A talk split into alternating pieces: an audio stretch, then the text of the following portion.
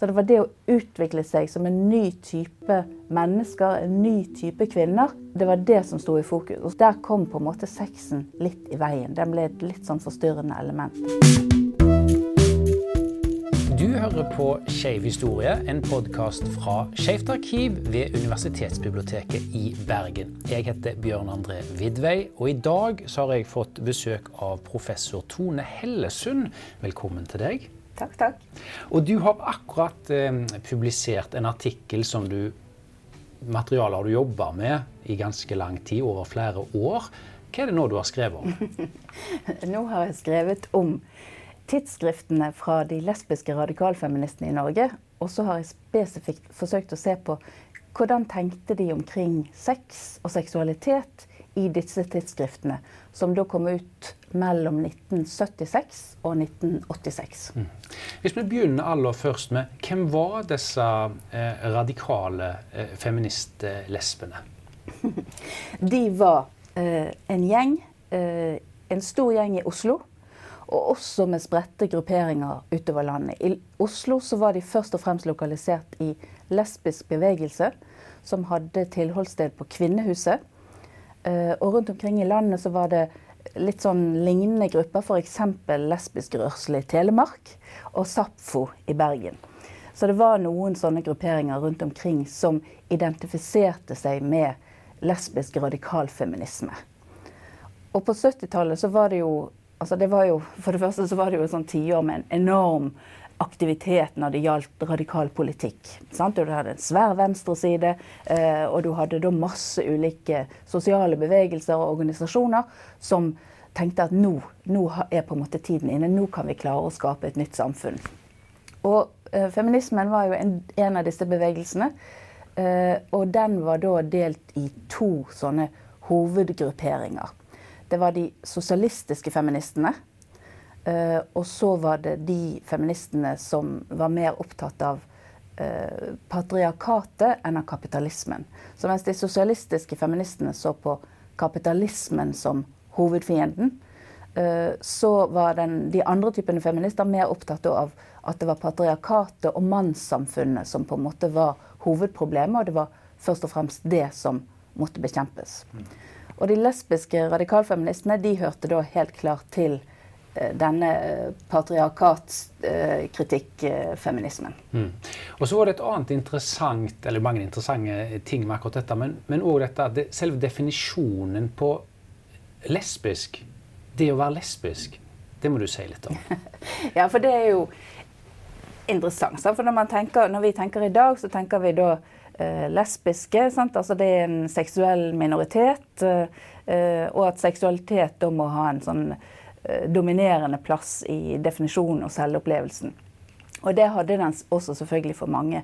Men eh, en del av de lesbiske radikalfeministene var opptatt av å på en måte utvide forståelsen av lesbiskhet. At det havnet, handlet ikke først og fremst om eh, seksuelt begjær, men det handlet på en måte en, om en politisk posisjon.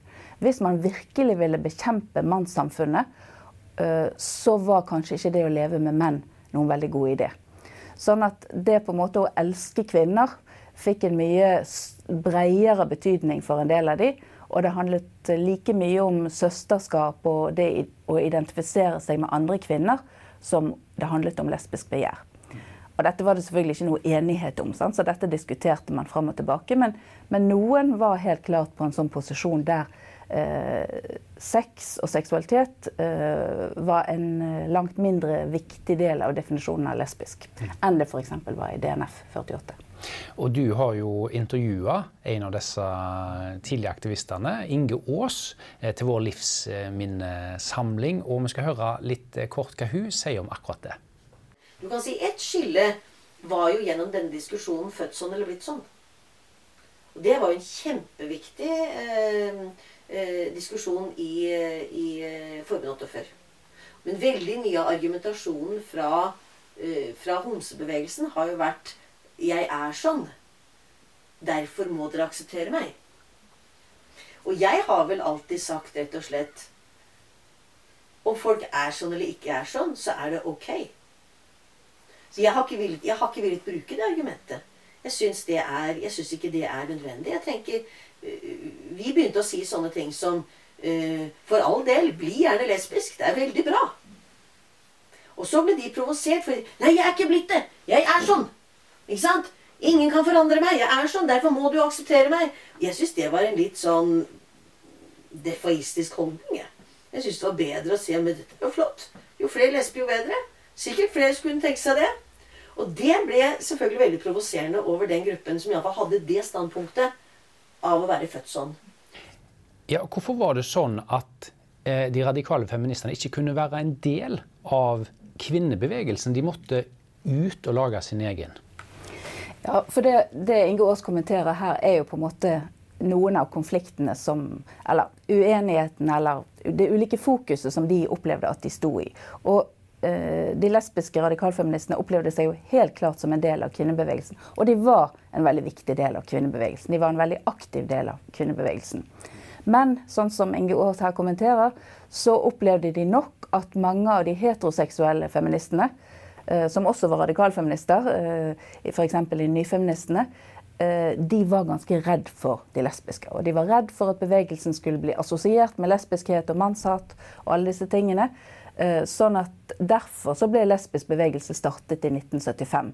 For de opplevde at ikke det var rom nok for de i den eh, ordinære kvinnebevegelsen, f.eks. nyfeministene.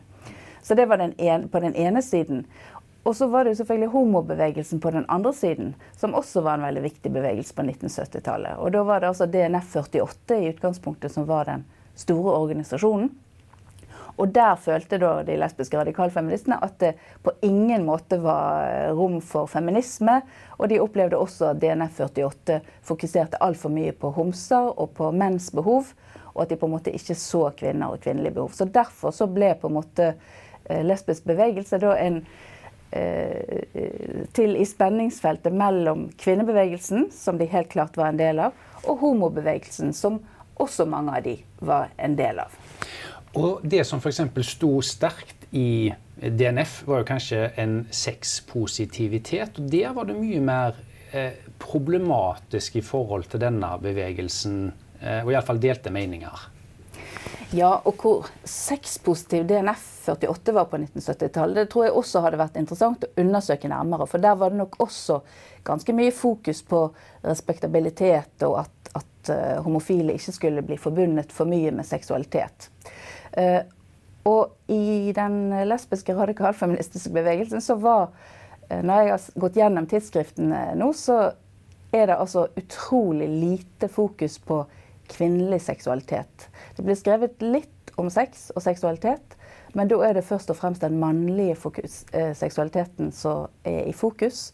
Og det er da den problematiske mannlige seksualiteten som er, er i fokus. Eh, man, man, eh, menn og menns seksualitet det er, handler veldig mye om overgrep mot kvinner på ulike måter.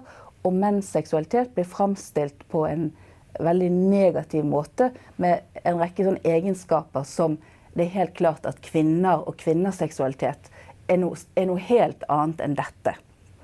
Og så er da kanskje problemet eh, for disse gruppene å finne ut ja, ok, hvis kvinnelig seksualitet og kvinnelig sex er noe helt annet, hva er det da? Og det eh, klarer de i liten grad å gå inn på i disse tidsskriftene. Og jeg tenker det er mange grunner til at Eh, de var forsiktige med å ta opp sex i tidsskriftene. Og dette er ikke noe som er, er unikt for den norske bevegelsen. Dette er noe som man finner i forskning fra, også fra, på lesbiske radikalfeminister i Sverige og i USA osv. At sex var ikke et sentralt tema. Og det kan vi komme tilbake til hva jeg argumenterer med, hva som er en av de viktige grunnene til det. Men det var mange grunner til det. Altså det ene var det det samme som DNF 48, at man på en måte ville fjerne homoseksualitet fra liksom sånn sleazy seksuell undergrunn og porno. Altså det var på en måte der man hadde sett lesbiske eh, lesbisk sex representert tidligere. Så man ville vekk fra det sleazy seksuelle fokuset. Og så var det selvfølgelig dette med forholdet til eh, resten av kvinnebevegelsen. Altså, sex var kanskje ikke det som var det samlende temaet. Altså, Eh, det, det, ville vært veldig provoserende eh, hvis man fokuserte for mye på det. Og så var det selvfølgelig at dette her var i stor grad unge, unge kvinner som kom, kom, til Oslo for å studere, kanskje, og sånn. Man hadde kanskje ikke all verdens språk eller all verdens erfaring eller all verdens selvtillit på dette feltet. Sånn at de forsøkte bl.a. å få til et temanummer om seksualitet i Lavendelekspressen. Men da fikk de ikke inn noen tekster. Sant? Det var ingen på en måte som klarte eller turte eller ville skrive om det. Interessant nok for i den, i den, sammenhengen så er det ofte den myten som har overlevd, er jo disse radikalfeministiske lesbene som satt i ring med speil og skulle se på underlivet sitt. Liksom, de, den har jo overlevd, eh, til tross for det du sier nå. Ja. Absolutt. Ja. og jeg har eh, holdt på å, å, se på den feministiske bevegelsen i Norge ganske lenge og, da, og snakket med mange forskjellige folk. Og, og, sånn som du sier, så er det mange som kommer inn på det at de husker eller de hadde hørt om at på Kvinnehuset så satt da lesbene og de andre feministene og så på hverandres underliv. Uh, og det gjorde de nok uh, så vidt. Jeg tror nok uh, historien om dette er noe overdrevet om hvor ofte det skjedde. Men det skjedde. og da er jo et av mine spørsmål i denne artikkelen ja, hva var det på en måte de så etter der? Hvorfor var dette viktig? Sant? Og da er det også sånn her vulvaestetikk og vulvasymboler og sånn. Sånn at du, du på en måte hadde Eh, hadde fokus på eh, kvinners kjønn, men eh, jeg argumenterer for at det på en måte ikke var ikke sexen de var på jakt etter, eller den gode sexen eller orgasmen og sånne ting. Men det var kanskje det å kjenne seg sjøl, kjenne sin egen kropp. Bli godt kjent med seg sjøl og andre. Og på en måte få tak i sannheten om seg sjøl. Det autentiske selvet på en måte bak eller bortenfor mannssamfunnet. Sant? Mannssamfunnet på måte, hadde på en måte ødelagt eh, kvinners syn på seg sjøl, hadde ødelagt kvinners selvtillit, hadde ødelagt kvinners syn på sin egen kropp. Eh, og dette var på en måte noe kvinner måtte ta tilbake. Så det å ta, tilbake sin egen kropp eh, var mye mer en del av, av, det prosjektet enn akkurat dette fokuset på sex. Sex var rett og slett ikke, ikke det som var viktig for dem. Dette å være autentisk. Og dette med nærhet til andre kvinner.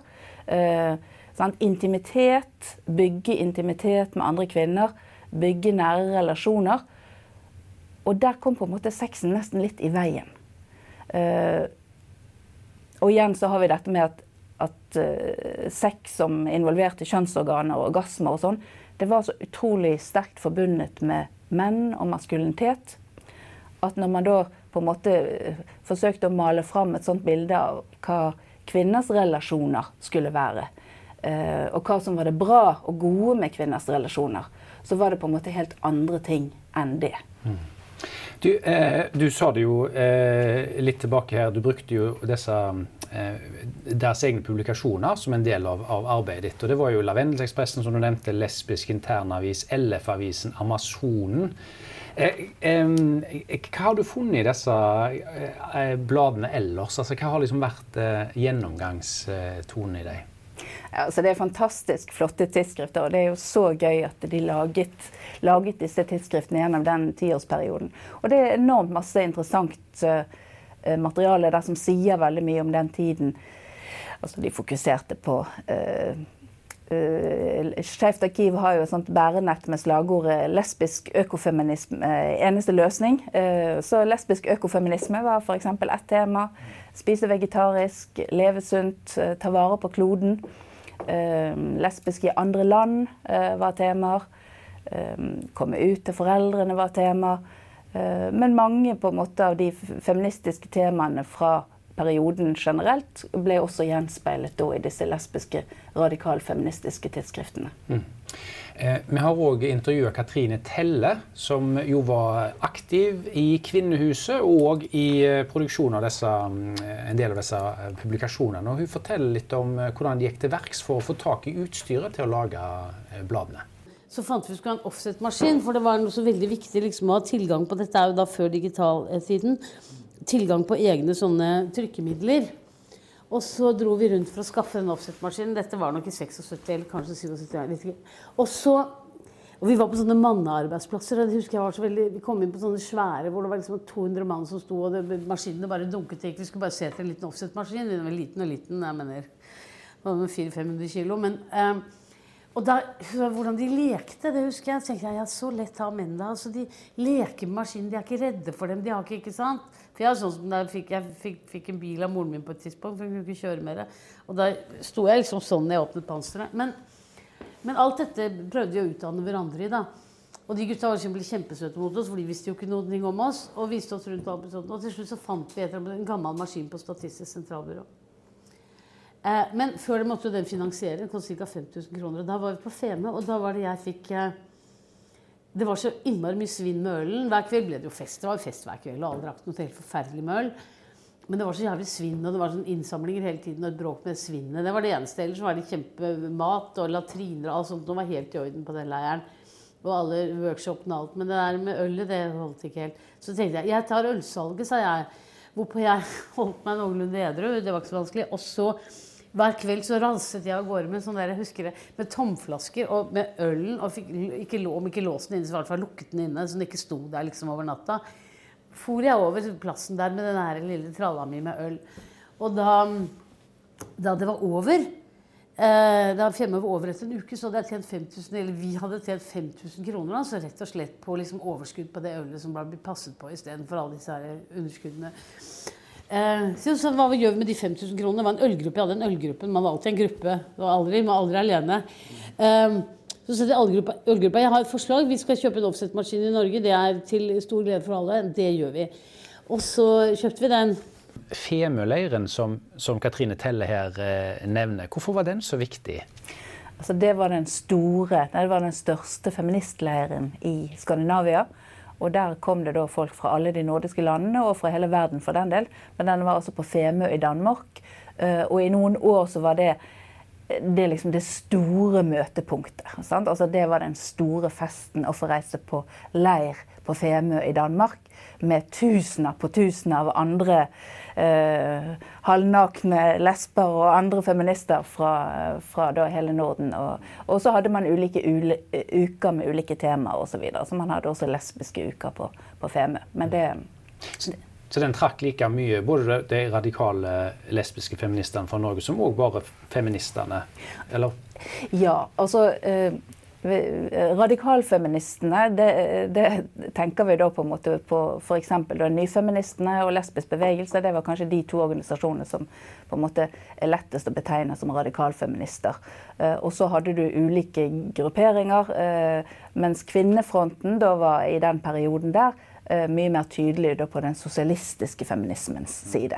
Disse ulikhetene løste seg litt opp etter hvert, og så videre, men i en periode så var det sånn. Så det var først og fremst eh, radikalfeministene som reiste Feme, men helt sikkert også veldig mange andre. Og det var en stor happening med eh, fantastisk masse gøy som skjedde på disse Feme-leirene. Mm.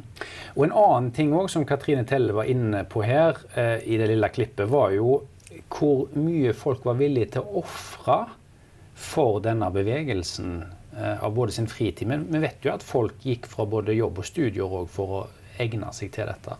Mm. Ja, og det er jo noe av det som er fascinerende sånn i ettertid, hvor, eh, hvor optimistisk også på en måte 1970-tallet var. Altså, man, det var eh, revolusjonens tid. Og du hadde selvfølgelig en maoistisk bevegelse, AKP-ML, som, som, veldig konkret trodde på, på sosialistisk revolusjon. Men også innenfor den feministiske bevegelsen så hadde man på en måte en sånn revolusjonær ånd og en revolusjonær følelse at noe, noe kom til å endre seg. Man trodde på en måte at i løpet av ganske få år så skulle man faktisk klare å få til en veldig radikal endring av eh, samfunnet. Og det er klart at da kunne ikke man drive med vanlig jobb og studier. Det var ikke liksom A4-livet som sto i fokus når man kunne forandre verden. Og det var jo det de følte at de var med å gjøre, å forandre verden. Så sånn som du sier, mange sluttet i jobb og studier og ble fulltidsaktivister i noen år. De tok seg gjerne korttidsarbeid, men, men var da først og fremst aktivister.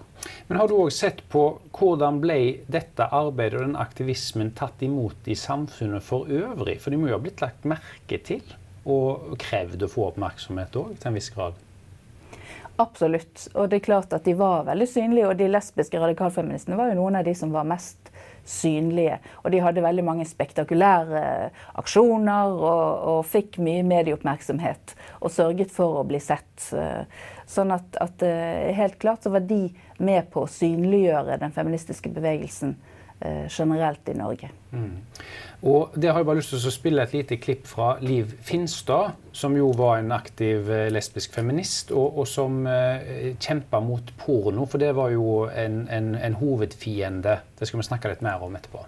Eh, det var jo Leif Hagen-butikker, og, og, den gangen så var det jo slik at eh, altså folk ante jo ikke hvor jævlig mye av den pornoen var. Eh, noen av oss hadde jo drevet nitid research, ikke sant. Og det var helt forferdelig å holde på med. Men uh, vi raidet pornobutikker, og da var det jo sånn et av mine Det er også et av mine glimt fra min, uh, mitt møte med politiet, da. Um, det var at jeg var jo ganske Jeg var jo ung den gangen. Jeg var ganske veltrent, og jeg var ganske sterk. Så min jobb det var å passe utgangsdøra og sørge for at alle kom seg ut før politiet kom. Så jeg var den som løp sist. Og da tenker jeg at ja, jeg løp fortere enn mine informerte forfølgere. Men så sier jeg at det, det, kan jo hende at de ikke tok det så alvorlig. For vi hadde jo sympatisører i politiet også når det gjaldt disse raidene. Ja, man brente altså denne pornoen som da fremma et usunt uh, bilde på, på seksualitet, og ikke, og ikke, minst i forhold til, til kvinnelig seksualitet.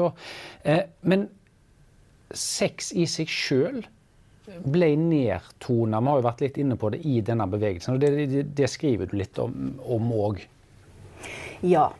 Og det ble nedtonet uh, både fordi da at det var på en måte vanskelig Det ser ut som det var vanskelig å finne et språk eller en plass til kvinnelig begjær og lyst. Uh, i dette landskapet der det var så enormt mye fokus på den negative mannlige seksualiteten. Og den mannlige seksualiteten den var objektiverende, den var fokusert på løsrevne kjønnsdeler, den var fokusert på egen nytelse, den var fokusert på prestasjon, den var på en måte eh, eh, fokusert på forbruk. Alle disse tingene som, som kvinner og kvinnelighet definitivt ikke ble assosiert med. Altså det var jo et enormt positivt syn på kvinnelighet, hva, hva det innebar. Eh, som da var den positive motsatsen til den ekstremt negative eh, mannligheten og maskuliniteten. Men det som kanskje er mitt hovedargument i denne artikkelen, er at uh, i tillegg til de andre grunnene jeg har nevnt til hvorfor seksualitet ble nedtonet, så mener jeg at også en viktig grunn var at nettopp dette med autentisitet og intimitet var så utrolig viktig. Altså det på en måte å endelig få være seg sjøl som menneske på en måte på den andre siden av patriarkatet. da. Sant? Altså få utforske sin egen menneskelighet og sin egen kvinnelighet uh, sett gjennom kvinners øyne, ikke sett gjennom mannens øyne. Og det på en måte få være en, et autentisk menneske og en, autentisk kvinne. Og kunne ha nære uh, og intime relasjoner. Nære, ærlige, åpne, kommuniserende relasjoner med andre kvinner. Det var på en måte det som sto i fokus. Det var, så det var det å utvikle seg som en ny type mennesker, en ny type kvinner. Det var det som sto i fokus. Og som sagt, der kom på en måte sexen litt i veien. Den ble et litt sånn forstyrrende element. Og det er kanskje i motsats til en del av de andre eh, eh progressive bevegelsene i perioden, der dette med seksuell frigjøring sto så enormt sterkt. Sant? Dette 1970-tallet og 1960-tallet var jo på en måte eh, den seksuelle frigjøringens tiår. Og seksuell frigjøring sto på en måte eh, sentralt i alle de radikale bevegelsene. Og her kommer da eh, lesbisk bevegelse inn som en motsats, og enda tydeligere i, blant de amerikanske lesbiske radikalfeministene, og sier det at ja, altså denne seksuelle frigjøringen, altså hvem er det den er til nytte for? Jo, det er jo bare menn som får enda bedre tilgang til kvinner. Og på en måte kan ta for seg. Og, og, argumenterte med at det skjedde i veldig stor grad i de radikale bevegelsene. Sånn at mens eh, dette med å finne seg sjøl og være autentisk og bli frigjort i andre deler av de radikale bevegelsene, der var på en måte sex en del av dette. Så ble i, blant de lesbiske radikalfeministene så ble det nesten en motsats. Altså sex og autentis, autentisitet ble en slags uh, motsetning. Og, og sex og intimitet ble også en slags uh, motsetning. Mm. Og det tar oss jo tilbake til det vi snakket om litt tidligere, med at dette med lesbisk kjærlighet eh, kunne være for alle, uavhengig av hvordan det definerte seg. Det passet best for alle kvinner, var liksom tanken. Absolutt. Var, ja. Alle kvinner bør fokusere på å finne fram til sin kjærlighet til andre kvinner. Uansett om den handler da om sex eh, og orgasmer, eller om det er en mer sånn eh, spirituell og eh, kjærlighet som fokuserer på intimitet og nærhet Mm. osv. For det ordet har du faktisk brukt i, i, i det du skriver. Et, altså orgasmepress, en orgasm frenzy, har du vel kalt det, siden du, den er jo publisert på engelsk. Ja. Ja, sant? for det, det, i, i dette eh, temanummer- temanummeret som skulle vært om sex, da, så er det en der som skriver om hvorfor det ikke kom inn eh, noen bidrag, og hvorfor det er så vanskelig å skrive om sex. Og det er et fantastisk fint eh, stykke som står der, en fantastisk fin tekst.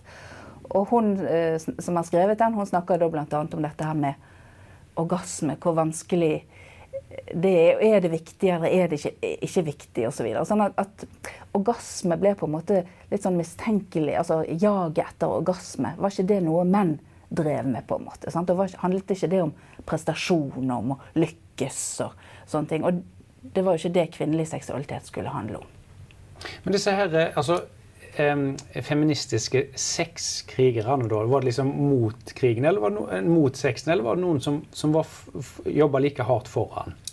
Ja, altså De feministiske sexkrigene det er begreper fra den amerikanske konteksten. Der det ble veldig sånn uttalte eh, konflikter og motsetninger eh, fra rundt 1980 og framover.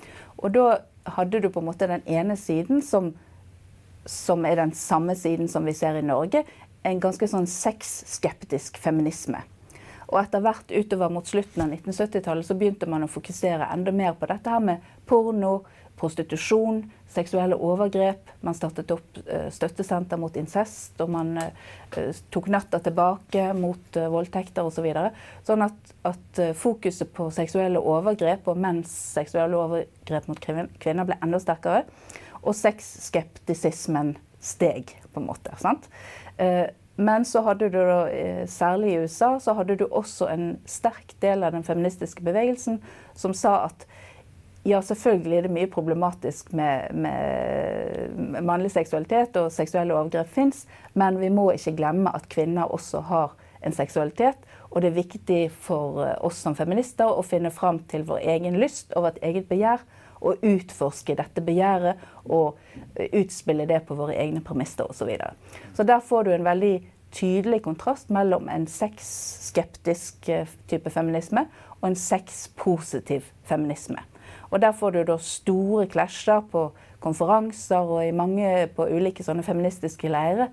Så får du virkelig harde fronter mot hverandre. Den sexskeptiske og den sexpositive feminismen.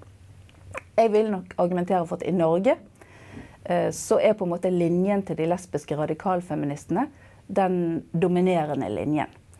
Eh, Den sexpositive feminismen har på en måte aldri fått en tydelig posisjon i Norge.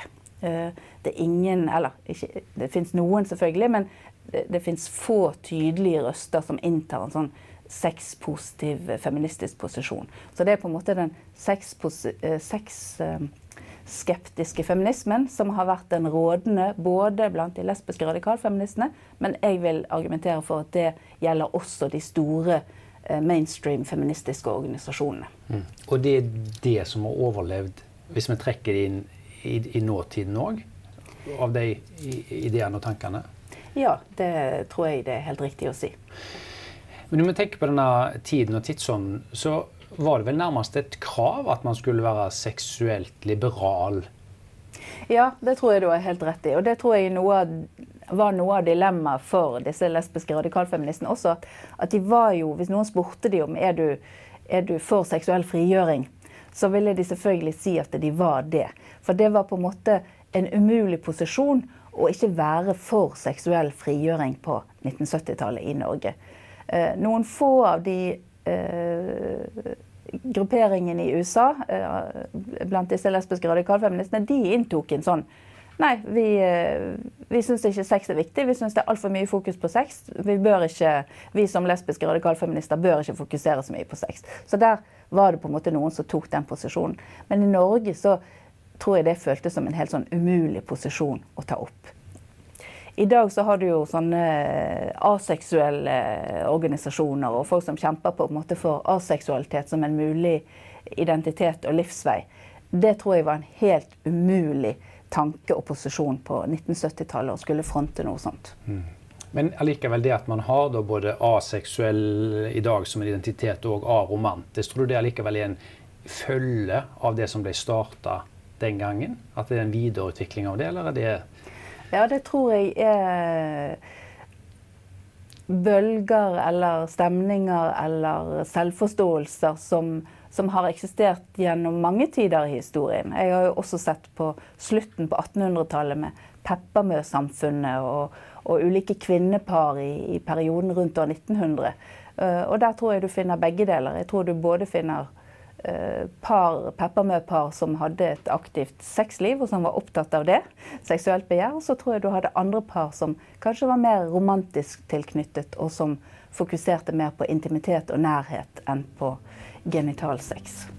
Du, eh, Hvis noen har lyst til å lese denne teksten din, hvor kan de eh, få tak i den? For de som er tilknyttet universiteter og høyskoler, så finner de det på universitetsbibliotekene i databasene der. Mens for andre så kan de kanskje ta kontakt med Skeivt arkiv, få seg en kopi. Absolutt. Vi har eh, PDF klar til utsendelse. Takk til deg, eh, Tone Hellesund, for denne praten. Og du har hørt på altså Skeiv historie fra Skeivt arkiv ved Universitetsbiblioteket i Bergen. Husk å abonnere, så får du med deg alle episodene.